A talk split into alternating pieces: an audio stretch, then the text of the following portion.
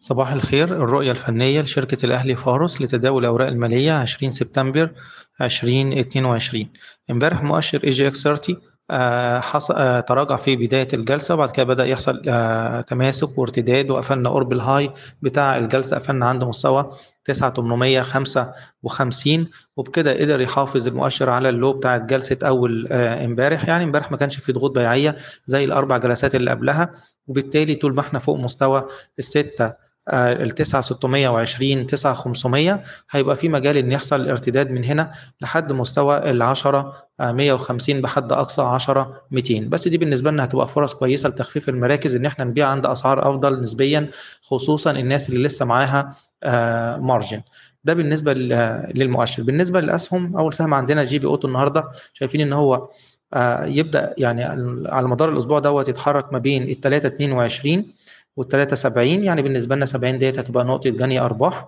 القلعة. عندنا دعم عند جنيه 17 وعندنا target عند الجنيه 29 إي uh, فاينانس عندنا دلوقتي ال support بتاعنا عند ال 14 جنيه وعندنا target عند ال 15 جنيه و30 قرش.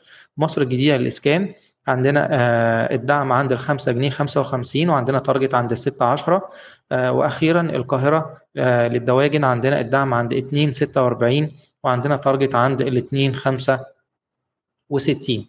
شكرا.